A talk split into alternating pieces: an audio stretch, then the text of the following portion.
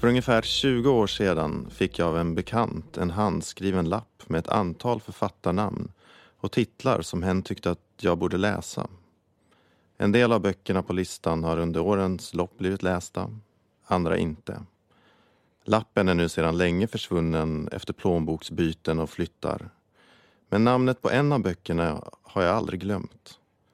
Osynlig man av Ralph, Ralph Ellison utgiven i början av 1950-talet. Varje gång jag besöker ett antikvariat eller går på loppis har jag tagit för vana att leta efter bokstaven E i hopp om att finna ett exemplar av boken. Än har det inte hänt. Jag har då och då lånat hem boken från biblioteket men någon läsning har aldrig blivit av. Alltid har något annat kommit i vägen. Men i slutet av sommaren tänkte jag att det var dags att låna hem boken igen för att äntligen påbörja läsningen. Alla förutsättningar var goda. Det fanns några lediga dagar kvar av semestern. Jag hade avslutat ett par andra böcker i rask takt och befann mig i ett bra läsflow. Men nu har hösten hunnit ikapp. Sommar och semester känns avlägset. Och boken Osynlig man ligger kvar påbörjad men inte utläst. Istället kom Colson Whiteheads senaste bok Nickelpojkarna och puttade ner Ellison i läsordningen. Nickelpojkarna tar sin början i 1960-talets USA där medborgarrättsrörelsen är på frammarsch. 1962 får den unge Elwood Curtis en skiva med tal av Martin Luther King i julklapp. Dr Kings ord påverkar hur Elwood ser på världen och han spelar skivan om och om igen så att tankarna och språket blir till Elwoods egna. Elwood växer upp i ett USA där arvet från slaveriet är starkt närvarande, likaså det uppdelade samhället mellan vita och svarta. Innan jag började läsa boken funderade jag på vad en nickelpojke var för något. Jag tänkte både på metallen och på myntet som finns i USA med dess ringa värde. Men en nickelpojke, vad var det?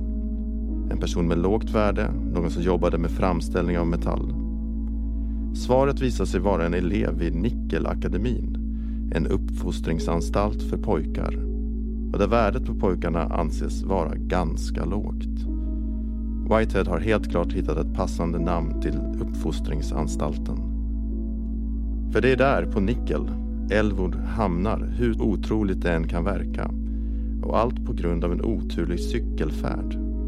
Elwood som är skötsam, jobbar extra, är prydlig, strävsam och drömmer om en framtid där Dr Kings visioner är en realitet. Han på uppfostringsanstalt. Så borde det inte vara.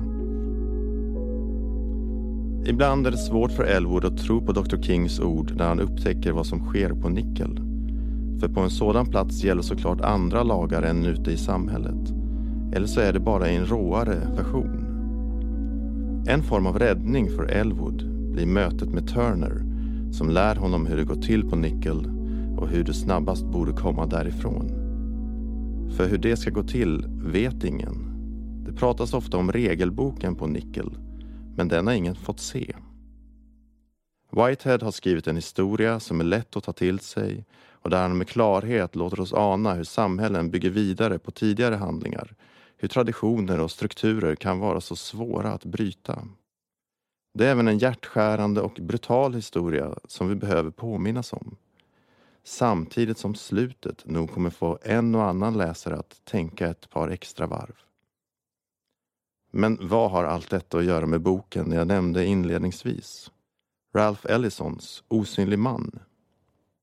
Jo, under läsningen av Nickelpojkarna studsade jag till vid meningen Elwood var osynlig igen. Och påminns om min avbrutna läsning. Efter att ha läst ut Whiteheads bok blir suget att avsluta Osynlig man stort. För visst finns det starka beröringspunkter med böckerna emellan. Osynlig man utspelar sig i USA strax innan Nickelpojkarna börjar. Så tillsammans formar det en sorts kronologi. Berättaren i Osynlig man är också en ung svart man som kämpar mot de orättvisor och traditioner som finns i samhället. Och det finns en del scener i böckerna som nästan går in i varandra. Båda böckerna innehåller historier om boxning som är oförglömliga. Kanske var det trots allt en lycklig slump för mig att det var just nu. en sådär 20 år senare som jag bestämde mig för att läsa Ralph Ellisons roman då läsningen har fått en extra skjuts av Colson Whiteheads Nickelpojkarna.